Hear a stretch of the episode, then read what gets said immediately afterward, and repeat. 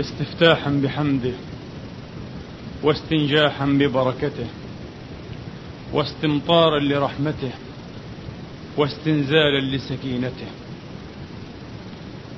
سبحانه هو وحده المنفرد بالقدم المبتدئ بالنعم خالق الخلق ومبديه ومبقيه سبحانه وتعالى ما شاء ومفنيه. ولي الحسنات المبرأ من السيئات فارق نعت المخلوقين ولم يشابه أوصاف المحدثين. لا إله إلا هو رب العالمين. وأشهد أن لا إله إلا الله وحده لا شريك له.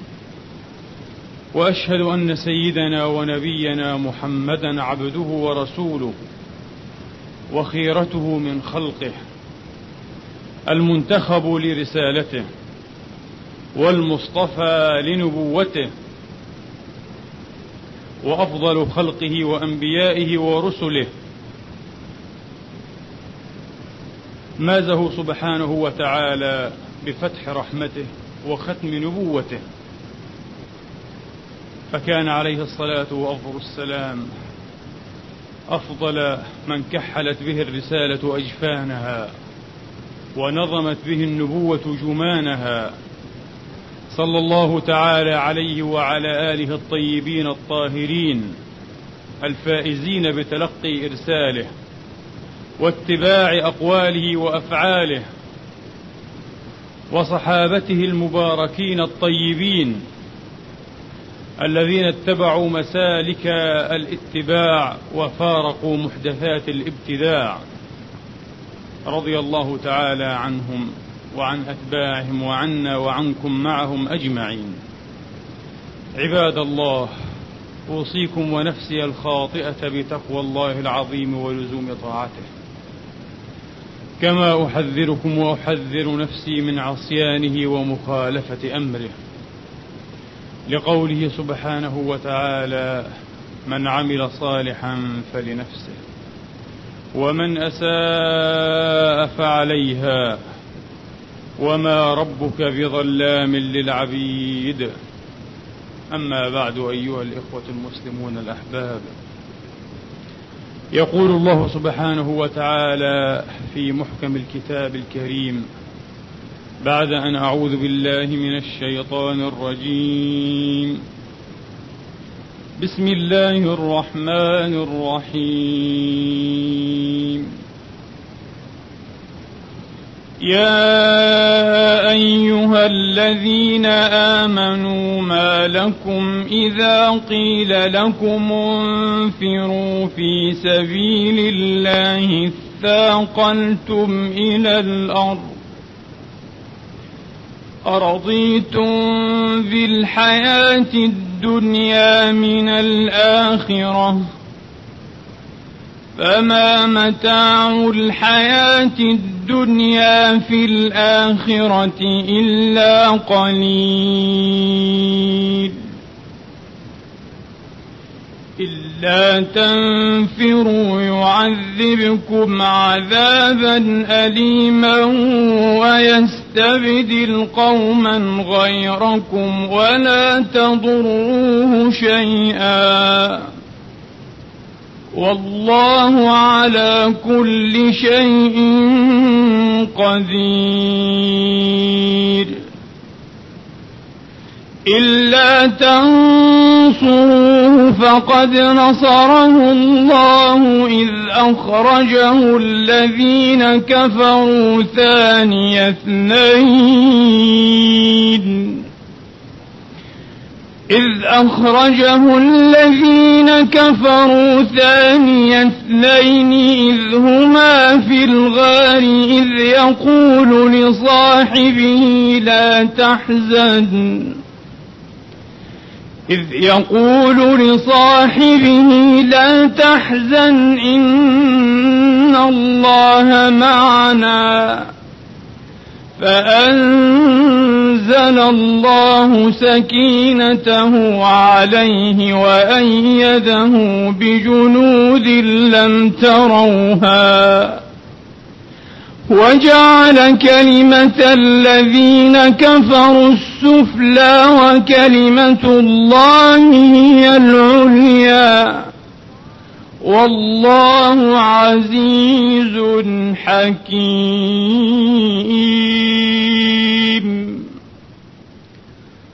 صدق الله العظيم. وبلغ رسوله الكريم. ونحن على ذلك من الشاهدين. اللهم اجعلنا من شهداء الحق القائمين بالقسط. آمين. اللهم آمين. أيها الإخوة المسلمون غدا نستقبل يوما من أيام الله جديدا. اليوم الأول من شهر الله المحرم. لنفتتح به عاما جديدا من أعوام هذا القرن الهجري الخامس عشر. وإن في هذا المقام لنسأل الله سبحانه وتعالى أن يجعل غدنا خيرا من يومنا وأن يجعل يومنا خيرا من أمسنا وأن يصلحنا له سبحانه وأمتنا جميعا كما أصلح الصالحين وأن يغير أحوالنا هذه بخير منها وأن يمن على الأمة الإسلامية المرحومة بالنصر والظفر والتمكين فإنه سبحانه ولي ذلك وحده والقادر عليه لا رب سواه ولا ملجأ إلا إليه وهو المستغاث أبدا سبحانه وتعالى. وفي مثل هذه الأوقات من كل عام يتحدث المتحدثون ويتبارى الخطباء والواعظون في استرجاع دروس الهجرة النبوية الكريمة. هذا الحدث الكبير الجلل الذي لا تزال فصوله جديدة على كر الأيام والليالي بل على كر السنين والدهور. حدث فصوله تطالعنا بالعبرة والفكرة والدرس كلما غلغلنا النظر وكلما أنعمنا الفكر. حدث هجرته عليه الصلاة وأفضل السلام الذي سمعتم آنفا. وصف الله سبحانه وتعالى له بأنه نصر إنه نصر مبين على رغم أولئكم الشاغبين والشانئين الذين يحاولون أن يقنعوا أبناءنا وإخواننا أنه كان فرارا وكان لياذا بالسلامة وتطلبا للنجاة وما هكذا كانت الهجرة قط وما ينبغي لها أن تكون. حدثتكم مرة أن الله سبحانه وتعالى أنزل سورة الأنفال عقب معركة بدر. وأنزل سبحانه وتعالى الشطر الثاني من سورة, من سورة آل عمران إثر موقعة أحد. كما أنزل سبحانه وتعالى سورة الأحزاب عقيب معركة الخندق.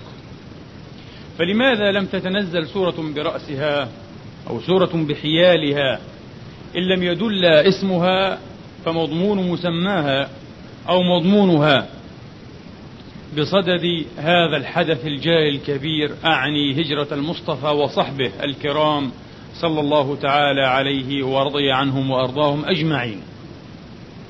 إن هذه أو هذه الآيات التي تلوتها صدر الخطبة أنزلها الله سبحانه وتعالى في سورة براءة أو في سورة التوبة. وسورة التوبة كما تعلمون هي من أواخر ما نزل من القرآن العظيم والذكر الحكيم. من أواخر ما نزل. سنة تسع. وإن كان آخر ما نزل في أرجح أقوال المفسرين السادة العلماء والمحدثين هي سورة النصر. هي سورة النصر. هذه آخر سورة نزلت. آخر سورة وليس آخر آية. آخر سورة نزلت هي سورة النصر. وسورة التوبة من أواخر السور القرآنية التي نزلت على قلب محمد عليه الصلاة وأفضل السلام. وقد ذكر الله فيها سبحانه وتعالى ذكرا واضحا هذا الحدث الجلل العظيم ناعتا إياه بأنه نصر. إلا تنصروه فقد نصره الله.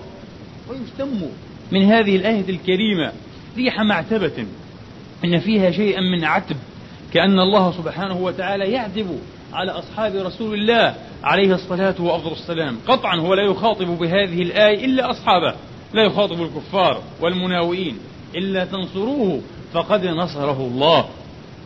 قال كثير من السادة العلماء والمفسرين كالإمام المكي الجليل سفيان بن عيينة رضي الله عنه وأرضاه قال لقد نجا أبو بكر الصديق رضي الله تعالى عنه وأرضاه من عتاب الله أصحاب محمد. لم ينجو إلا أبو بكر الصديق إلا تنصروه فقد نصره الله إذ أخرجه الذين كفروا ثاني اثنين. وقطعا كان هو الصديق رضي الله عنه وأرضاه. فالنصر تنزل عليهما كليهما كما هو ظاهر. فنجا أبو بكر من هذا العتب الإلهي من هذا العتب الإلهي. وقد تنزل هذا النصر كما تعلمون مرارا ثلاثة أي ثلاث مرار. مرة عليه عليه الصلاة وأفضل السلام وهو خارج أعقاب ليل مريع من بيته والسيوف والرماح قد احتوشته وأحاطت ببيته. تريد أن تخارط لحمه ودمه وتمزقه شر ممزق. فتنزل نصر الله. وأنجته يد الله وقدرة الله من بين هذه السيوف وتلكم الرماح. والمرة الثانية وهو في طريقه إلى الغار. صلوات ربي وسلامه عليه وصاحبه رضي الله عنه وأرضاه. إذ تعقبه سراقة ابن مالك رضي الله عنه وأرضاه. فقد أسلم وحسن إسلامه وجاهد في سبيل الله حق الجهاد من بعده. إذ تعقبه سراقة ابن مالك وكان من شأنه وشأنهم ما قد تعلمون.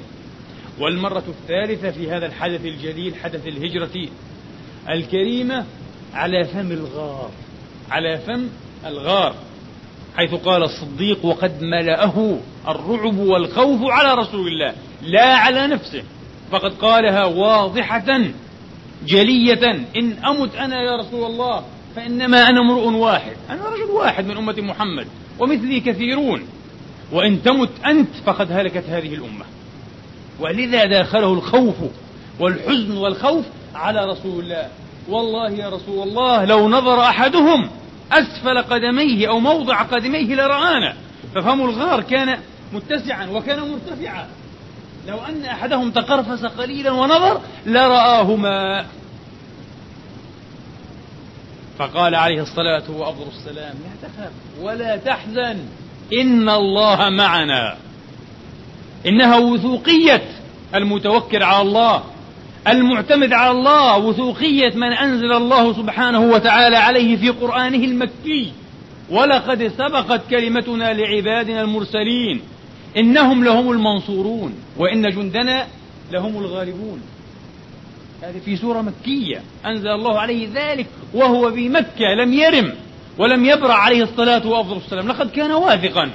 لقد كان واثقا عليه الصلاة وأفضل السلام في بعض الآثار والأخبار ما يفيد أنه عليه الصلاة وأفضل السلام كان موقنا من أنه سيرث ملك فارس والروم وهو في مكة لم يبرع عليه الصلاة وأفضل السلام كان على ثقة مطلقة بالله ولكنه يصطنع الأسباب ويأخذها من أبوابها. لا جرم فهو مأمور بذلك. لا جرم فهو مأمور أن يصطنع الأسباب وأن يتوسلها أي أن يتوسل بها. عليه الصلاة والسلام. وخاب فألهم ولم يقعوا على شيء وأدبروا ووجوه الأرض تلعنهم كباطل من جلاء الحق منهزم. لم يحدث شيء. تنزل النصر ثلاث مرار. ما الحكمة في أن الله سبحانه وتعالى ما أشار إلى هذا النصر المظفر المؤزر إلا سنة تسع وفي سورة التوبة وقد كان ذلكم يا إخواني عقب غزوة شديدة. ما سمعت الجزيرة العربية في تاريخها؟ تجيش جيش؟ كذلكم الجيش الذي جيشه رسول الله. في العسرة في غزوة العسرة تجيش كبير. ثلاثون ألفا ثلاثون ألفا. في غزوة العسرة في الحر والصيف والهاجرة. في جمارة كما يقال في جمارة أو في حمارة القيض وشدة الهاجرة. بعض المنافقين قام على عادتهم ودأبهم ليرجف ويثير الأراجيف والشائعات حرب نفسية في الصفوف المؤمنة المتوكلة المجاهدة. يقول ما لنا وللروم أنستطيع أن نكامع وأن نقارع وأن ننازل الروم بني الأصفر فما لنا وما للروم لا نستطيع هذه مهلكة. محمد يلقي بنا إلى مهلكة مؤكدة. لكن كان ما كان. وأنزل الله عقب هذه الغزوة التي كفى الله المؤمنين جميعا شرها. إلا تنصروه فقد نصره الله. إن الذي نصره وهو وحيدا برأسه مستوحشا طريدا عليه الصلاة وأفضل السلام هو صاحبه. أليس قادرا أن ينصره وهو محفود ومحشود بثلاثين ألفا؟ لما الخوف؟ لم تكعون ولم تجبنون ولم تتراجعون؟ لكنها عادة المنافقين في كل زمان وفي كل آن. المنافقون الذين لهم أذناب إلى يوم الناس هذا يكتبون في الصحف والمجلات وفيما يسمى بالأبحاث والدراسات. دراسات ماذا؟ وأبحاث إيش؟ يكتبون الهجرة كانت فرارا. فرارا؟ أي طلبا لنجاة النفس. طلبا للنجاة بالنفس كانت فرارا. يتبعون ويتخيلون في ذلك طرائق المستشرقين الصليبيات الحديثة. في القديم عانى الفكر الإسلامي من الإسرائيليات وفي الحديث عانى وما زال يعاني من الصليبيات. أنا أحبذ هذه التسمية بدل أن نقول الدراسات الاستشراقية الصليبيات الجديدة.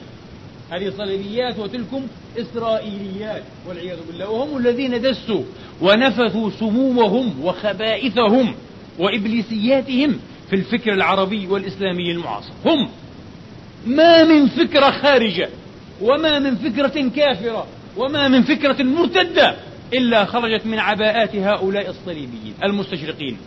دسوها على أبنائنا وجاء هؤلاء وقد تلقفوها تلقفا ووقعوا عليها أسوأ موقع يبثونها في مطاوي الصحافة والكتابات العربية ومن أسف نعم. هذه الصليبية تصور الهجرة على أنها كانت فرارا فرارا بالدين وليست فرارا بالمهج ليست فرارا ولياذا بالنجاة للنفوس والأبدان. إنها نجاة بالدين ومن هنا كانت نصرا. وسأقول كلمة. انظروا في هذه الثلة المباركة من المهاجرين. متى التحقوا بجامعة محمد بركب محمد بهذا الركب الطليعي المبارك الذي ما كرم الله نبيا بمثله؟ تعلمون أن أسعد نبي بأصحابه ونصرائه وخلصانه هو محمد ابن عبد الله. محمد ابن عبد الله أسعد نبي بأصحابه. لذا كان يذب عنهم كما ذبوا عنه وعن دينه ويحامي عنهم كما حاموا عنه وعن دينه. ومات وهو يقول الله الله في أصحابي. أي أوصيكم في أصحابي أذكركم الله. الله الله في أصحابي. لا تتخذوهم غرضا. أي رمية لسهام باطلكم وإفككم وكذبكم. لا تتخذوهم غرضا بعدي ولا سيما أصحابه الذين هاجروا معه الذين أسلموا معه لأول الأمر. حين التحقوا بهذا الركب المبارك. كم كانت أسنانهم؟ وحين هاجروا أيضا كم كانت أسنانهم؟ تعجبون حين ترجعون إلى كتب السير والتواريخ. لقد كانوا غلمانا وكانوا شبانا في شرخ وميعة الصبا وشرخ الشباب. في ميعة الصبا وشرخ الشباب. أكثرهم كان كذلكم. أبو بكر ربما كان من أسنهم بمكة. كان قد بدأ يكتهل على مشارف الاكتهال أو الكهولة. ابن سبع وثلاثين ورسول الله كان ابن أربعين فهو يكبره ويسنه بثلاث سنين. وأما علي عليه السلام أبو الحسنين فقد التحق بهذا الركب الطيب الأغر وهو ابن ست وقيل ابن ثمان. ابن ثمان سنين. علي ابن أبي طالب الذي أسلم دون أن يستشير أباه. ولما سأله رسول الله قال يا رسول الله حين خلقني ربي استشار في أبي قال لا قال كيف أستشير أبي في طاعة ربي؟ هذا منطق ابن ست سنين.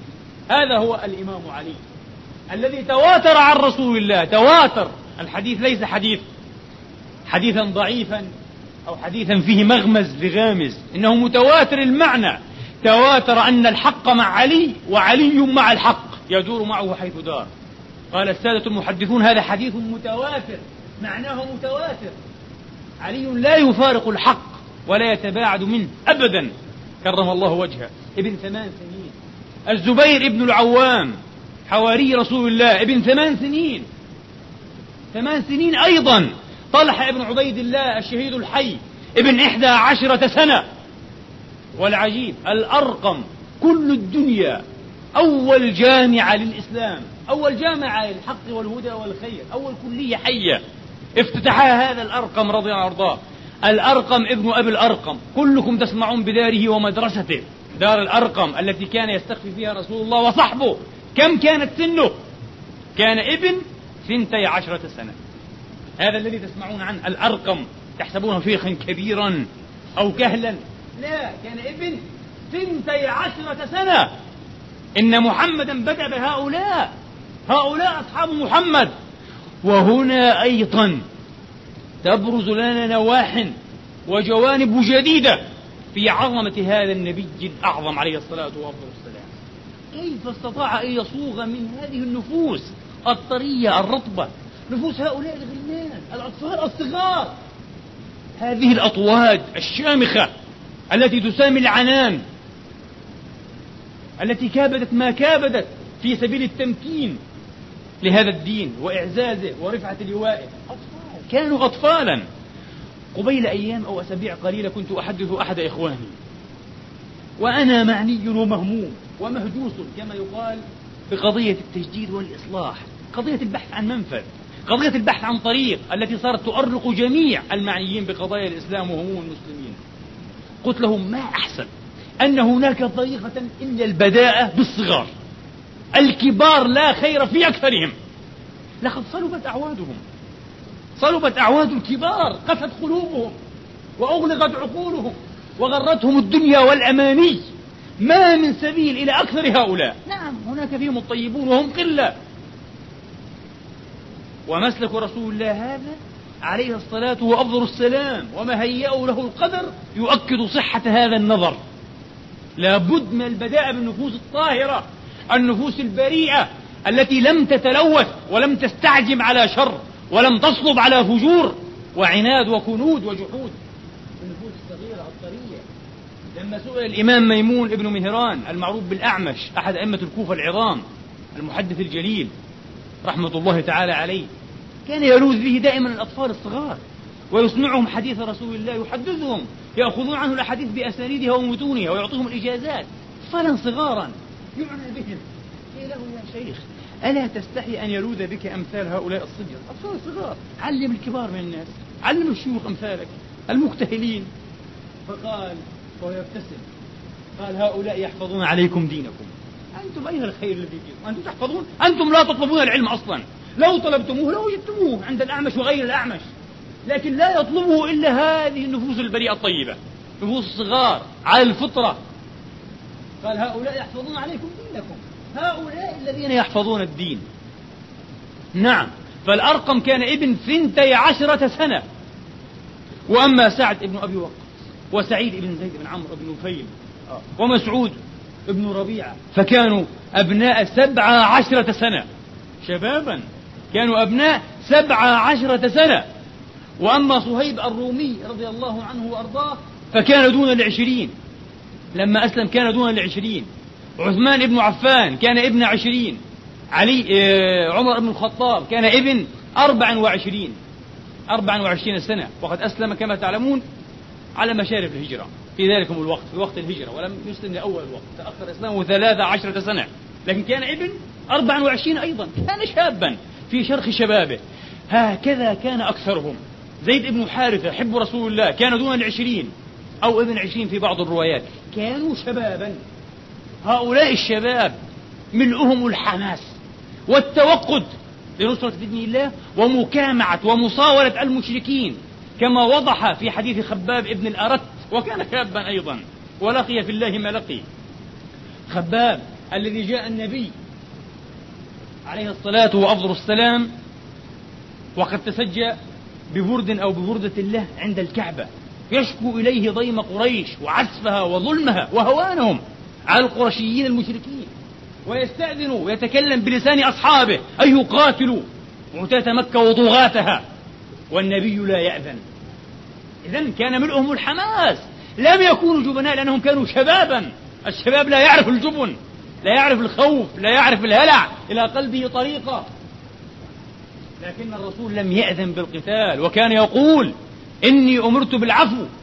إلى الآن الله يأمرني بأن أعفو بأن أصفح إن الإسلام في تلكم الحقبة. في ذلكم.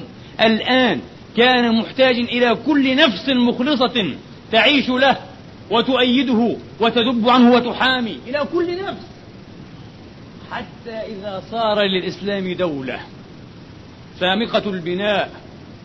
عالية اللواء. قوية.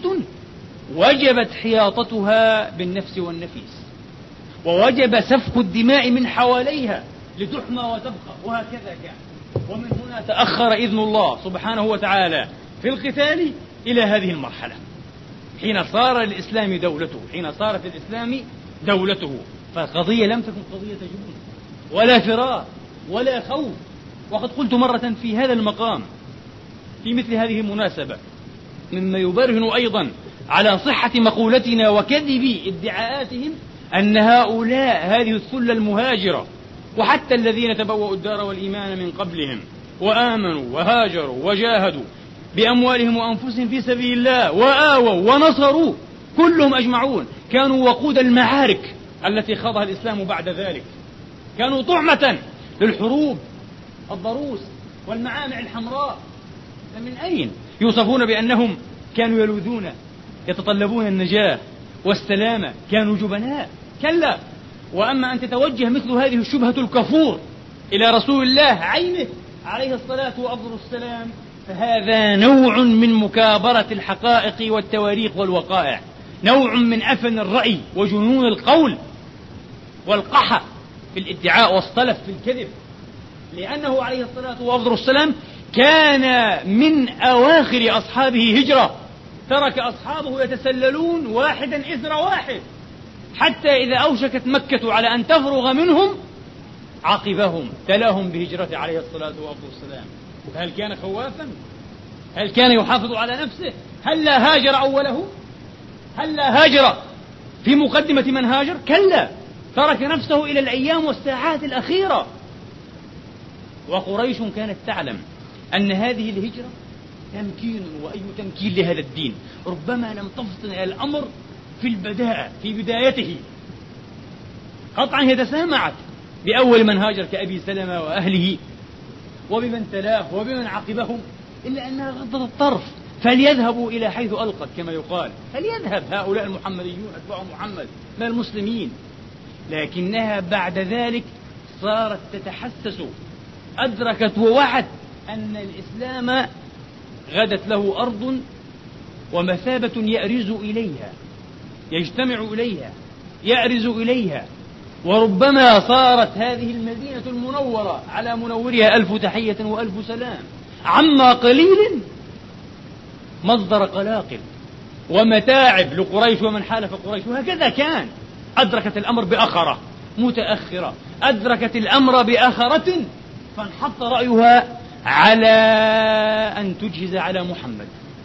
وهكذا ائتمر الشياطين الكبار طواغيت الإنس في دار الندوة كما تعلمون وكان من أمرهم ما كان إلا أن الله سبحانه وتعالى نجى صفية نجى حبيبه عليه الصلاة لأن الله غالب على أمره لأن الله غالب على أمره. إذا فهذه شبهة وقاح وادعاء كذوب لا أكذب منه ولا أصفق منه. الهجرة كانت نصرا وتمكينا وظفرا. وحماية لهذا الدين الكريم. وحماية لهذا الدين الكريم. وأي هجرة كانت. حتى الذين هاجروا الحبشة كانوا على أمل أن ينبلج فجر يوم جديد. صبح قريب. بمهادنة بمهادعة بأمر يلقيه القدر في مجرى التاريخ والأحداث. فربما عادوا إلى بلادهم ومسقط رأسهم إلى مكة المشرفة شرفها الله وكرمها. كان لهم أمل. لم يكونوا قد عقدوا النية والعزم على أن يتوطنوا الحبشة. ديار نجاشي. أما الذين تركوا مكة وزيلوها المدينة المنورة فلأول يوم لأول ساعتهم أدركوا أنهم ربما لن يعودوا في وقت قريب وربما لن يعودوا في وقت بعيد. رسول الله كان يعلم أن له عودة. كان يعلم. وقيل نزل عليه وهو في طريق الهجرة. إن الذي فرض عليك القرآن لرادك إلى معاد. ستعود وتعود فاتحا. وعاد بعد ثماني سنين. عاد فاتحا فقط بعد تصرف ثماني سنين. عليه الصلاة وأفضل السلام. أما كثير من أصحابه فلم يكن عندهم مثل هذا العلم الإلهي. ولم يخرجوا كما يخرج مغامر مخاطر. يتطلب غنى أو يبحث عن مجد أو يتسول شهرة. كذاكم أحمد المتنبي. الذي ظل يتغنى ويقول يقولون لي ما أنت في كل أرض وما تبتغي. ما أبتغي جل أن يسمى. لعن الله الاسم والمسمى. ما الذي كان يبتغي أحمد؟ المتنبي الطيب يعني يبتغي أن تناط به ضيعة أو ولاية. من أبي المسك كافور الإخشيشي وأمثال هذا الذي يبتغيه الصحابة لم يكونوا على هذه الشاكلة. لم يكونوا يبتغون مجدا ولا ضيعة ولا ولاية ولا هم بالمغامرين ولا بالمخاطرين. أو يخاطر المرء بأهله ونفسه وعياله وأمواله؟ أيترك دياره وضياعه وعقاره وثماره كلها يخاطر بذلك؟ أنه لا يخاطر إلا حفاظا على دين الله. إلا حفاظا على دين الله سبحانه وتعالى. وهنا مشهد لا بد من التعليق عليه. بعد أن تسلل هؤلاء المباركون الأوائل بعد أن تسللوا وكادت مكة تفرغ من كثير من بيوتاتها ودورها. مر عتبة والعباس عم النبي عليه الصلاة والسلام وأبو جهل فرعون هذه الأمة لعنة الله تعالى عليه. مروا على دار بني جحش. وأبوابها تخفق يا بابا والرياح تتناوح في جنباتها. لقد خلت هذه الديار وأقفرت بعد عمران. هذه المحال الآنسة المأنوسة صارت تتناوح فيها كما قلت الأرواح أو الرياح. فوقف ثلاثتهم ويبدو أن المنظر أثر في نفوسهم أو في نفوس بعضهم. فقال عتبة يا عباس ألا تنظر إلى هذه الدار؟ وقد أخفرت بعد عمران وارتحل عنها أهلها. ليس فيها من ديار ليس فيها من ساكن. منظر مؤثر أين ذهب هؤلاء المساكين؟ فنظر أبو جهل لعنة الله تعالى عليه. وبدل أن يستجيب لمنطق العاطفة الإنسانية والفطرة البشرية تحركت فيه غرائز السباع غرائز الوحوش تنزه في دمه هذا الوحش الكافر. وقال إلى العباس عم النبي يا عباس إنه فعل ابن أخيك جريمة محمد. هذه جريمة محمد ليست جريمة قريش. نفس منطق الطواغيت. إنه فعل ابن أخيك فرق أمرنا. وقطع بيننا وشتت شملنا. تبرز فيه كما قال أحد الدعاة كل صفات الطواغيت في كل زمان ومكان. إنهم يريدون الناس على الاستخذاع والذل يفرضون علينا الذل والاستخذاع فإن لم نجيبهم إلى ذلك ولم نتجاوب معهم إلى مناهم وأحلامهم جعلونا مصدر الأزمات وسبب المشاكل. أنتم السبب. أنتم السبب بهذا الشذوذ بهذا التطرف بهذا المنطق بهذا الاستمساك المبدأ العقدي. لماذا تستمسكون بالعقائد؟ اكفروا بالمبادئ والعقائد. وسايروا منطق الزمن منطق المصالح منطق الحساب والتجارة الربح والخسران. أما إن أبيتم إلا أن تستمسكوا بمنطق أصحاب الرسالات وأصحاب الدعوات الإلهية السماوية العالية فأنتم سبب المشاكل ومصدر القلاقل. فعليكم من الله ما تستحقون. نفس منطق الطواغيت في كل حقبة في كل عصر في كل زمان وآن والعياذ بالله. على كل حال كان هذا درسا من دروس هذه الهجرة. إذا كانت هي نصرا وتمكينا ولم تكن هزيمة ولا فرارا ولم تكن هزيمة ولا فرارا والدرس الثاني سيكون في مدينة رسول الله عليه الصلاة وأفضل السلام ونعرض له بعد حين أقول قولي هذا وأستغفر الله. الأمين. الحمد لله الذي يقبل التوبة عن عباده ويعفو عن السيئات ويعلم ما تفعلون. ويستجيب الذين آمنوا وعملوا الصالحات ويزيدهم من فضله والكافرون لهم عذاب شديد. وأشهد أن لا إله إلا الله وحده لا شريك له وأشهد أن سيدنا ونبينا وعظيمنا محمدا عبده ورسوله. اللهم صل وسلم وبارك عليه. وعلى آله الطيبين الطاهرين وصحابته المباركين المجاهدين وأتباعهم بإحسان إلى يوم الدين. أما بعد يا اخواني هلا سأل أحدكم نفسه وهو منغمس ومشغول في عمل ربما يضر عليه ربحا قليلا أو ربحا قريبا إلا أن انشغاله هذا شغله عن طاعة ربه عن صلاة حان وقتها فأخرها. أو عن مكرمة ومحمدة تأخر عنها وكع أيضا وخلاها لغيره من الناس. طلبا لهذا الربح القليل لهذا الربح القريب. هلا ساء نفسه في مثل هذه الحال؟ ما هو حجم التضحية حقيقة التي ضحاها أصحاب محمد رضي الله تعالى عنهم وأرضهم حين تركوا أرضهم وديارهم وأموالهم وأحيانا أولادهم ونساءهم الذين أبوا أن يهاجروا معهم لأنهم ظلوا على الكفر أو لم تتح لهم فرصة أن يهاجروا فهؤلاء ذكر الله وأقام لهم عذرا إذ جعلهم من قبيل المستضعفين. إلا المستضعفين من الرجال والنساء والولدان. الآية الكريمة. نعم. ألا سأل أحدكم نفسه وتوهم حجم هذه التضحية التي ضحاها هؤلاء المكرمون؟ إنها تضحية عظيمة تضحية كبيرة أن ينتهي الإنسان إلى الصفر. قياسا إلى متاع الدنيا. هو دنيويا صار صفرا إذ ترك كل شيء ضحى كل شيء. في سبيل ماذا؟ في سبيل دين الآن قد لا يطلب منا أن نضحي مثل هذه التضحية. وقد لا نقدر على ذلك إذا طلب إلينا أما هم فوالله لقد كانوا مقتدرين. حين أنزل الله تبارك وتعالى يبكت وينكت على بني إسرائيل فقال فيهم ولو أن كتبنا عليهم أن اقتلوا أنفسكم أو اخرجوا من دياركم ما فعلوه إلا قليل منهم. أخرج ابن أبي حاتم عن الحسن رضي الله عنهم وأرضاهم أجمعين أن نفرا من أصحاب رسول الله رضي الله عنهم وأرضاهم قالوا والله لو فعل ربنا لفعلنا. لو طلب إلينا أن نقتل أو نقتل أنفسنا وأن نخرج من ديارنا لفعلنا وقد فعلوا شيئا من ذلك. بل فعلوا ذلك كله. الذي يرمي الذي يرمي الذي يرمي نفسه بين مخالب الموت. أليس كمن يقتل نفسه؟ والذي يترك كل شيء ويخليه وراءه. أليس قد خرج عن دياره ومن دياره وأمواله بلى والله لقد فعلوا ذلك كله. ويبدو أن الآية نزلت قبل ذلك. لو فعل ربنا لفعلنا. فذكر ذلك لسيدنا رسول الله عليه الصلاة وأفضل السلام. سره ذلك جدا وأعجبه. فقال لا الإيمان في قلوب أهله أثبت من الجبال الرواسي. قال هذا الإيمان. هذه حقيقة الإيمان. أحسب الناس أن يتركوا أن يقولوا آمنا وهم لا يفتنون؟ كلا الإيمان لا يصح دعوة مجردة. ولا دعوة ساذجة بسيطة يشقشق بها لسان.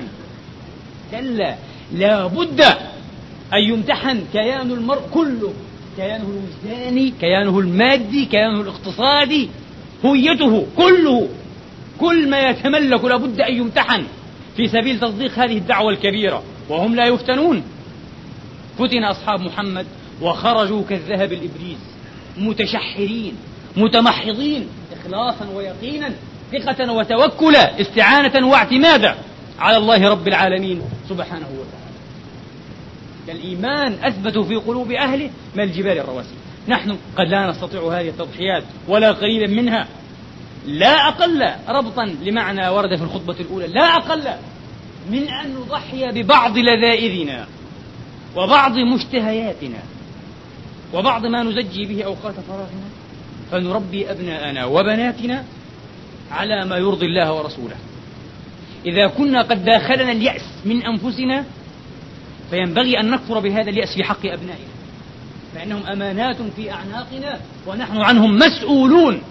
ربوا أولادكم على تلاوة كتاب الله. على السطح به أناء الليل وأطراف النهار. ليس على الأغاني وليس على الأناشيد الدنيوية وليس على برامج التلفاز. برامج أكثرها طبعا حاسرة وسافرة ساقطة وماجنة والعياذ بالله.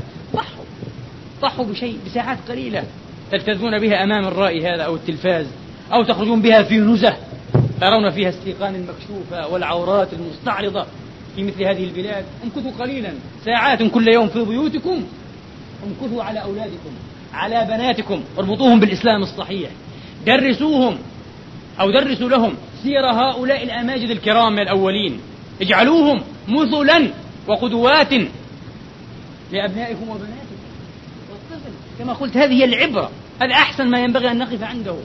هذا الطفل كما تعلمون لوح أبيض صفحة خالية بيضاء فانقشوا فيها المعاني السامية انقشوا فيها المبادئ الناهضة انقشوا فيها مقاصد الرسالة الشريفة شرائف المعاني وكرائم المقاصد لكن هذا يحتاج أيضا إلى جهاد ويحتاج إلى تضحية لكن تضحية مقدورة إلا أنها عظيمة ومشكورة إن شاء الله تبارك وتعالى. كما قلت إن تداخلنا اليأس من أنفسنا علينا أن نكبر باليأس في تربية وتنشئة أبنائنا وبناتنا. وفي هذا إن شاء الله تبارك وتعالى. وعد عظيم بنصر آت إن شاء الله تبارك وتعالى وبجيل يخلفنا. نسأل الله أن يكون خيرا منا وأثبت منا وأحسن منا وأن يجري الله على يديه نصر الإسلام والتمكين للمسلمين. اللهم آمين. اللهم إنا نسألك الهدى والتقى والعفاف والغنى. اللهم إنا نسألك في هذا اليوم الكريم من هذا المقام الكريم ألا تدع لنا ذنبا إلا غفرته ولا هما إلا فرجته ولا كربا إلا نفسته ولا ميتا إلا رحمته ولا مريضا إلا شفيته ولا غائبا إلا رددته ولا أسيرا إلا أحسنت فكاكه يا رب العالمين. اللهم زدنا ولا تنقصنا وأعطنا ولا تحرمنا وأكرمنا ولا تهنا وانصرنا ولا تنصر علينا وخذل عنا ولا تخذلنا. اللهم إنا نسألك أن تنصر الإسلام والمسلمين وأن تعلي بفضلك كلمتي الحق والدين. اللهم انصر من نصر المسلمين واخذل من خذل المسلمين. اللهم غير أحوالنا هذه إلى أحوال خير منها. ترضاها وترضى عنا بها يا رب العالمين. واتح لهذه الأمة المرحومة أمر رشد تعز فيه أولياءك. وتذل فيه أنوف أعدائك. يعمل فيه بطاعتك. ويؤمر فيه بالمعروف. وينهى فيه عن المنكر. وتقام فيه الصلوات. اللهم اغفر لنا ولوالدينا وارحمهم كما ربونا صغارا. اجزهم بالإحسان إحسانا وبالإساءة غفرانا. واغفر اللهم للمسلمين والمسلمات المؤمنين والمؤمنات الأحياء منهم والأموات. بفضلك ورحمتك إنك سميع قريب مجيب الدعوات. لا إله إلا أنت سبحانك إني كنت من الظالمين. عباد الله إن الله يأمر بالعدل والإحسان وإيتاء ذي القربى وينهى عن الفحشاء والمنكر والبغي. يعظكم لعلكم تذكرون. اذكروا الله يذكركم واشكروه. وقوموا إلى صلاتكم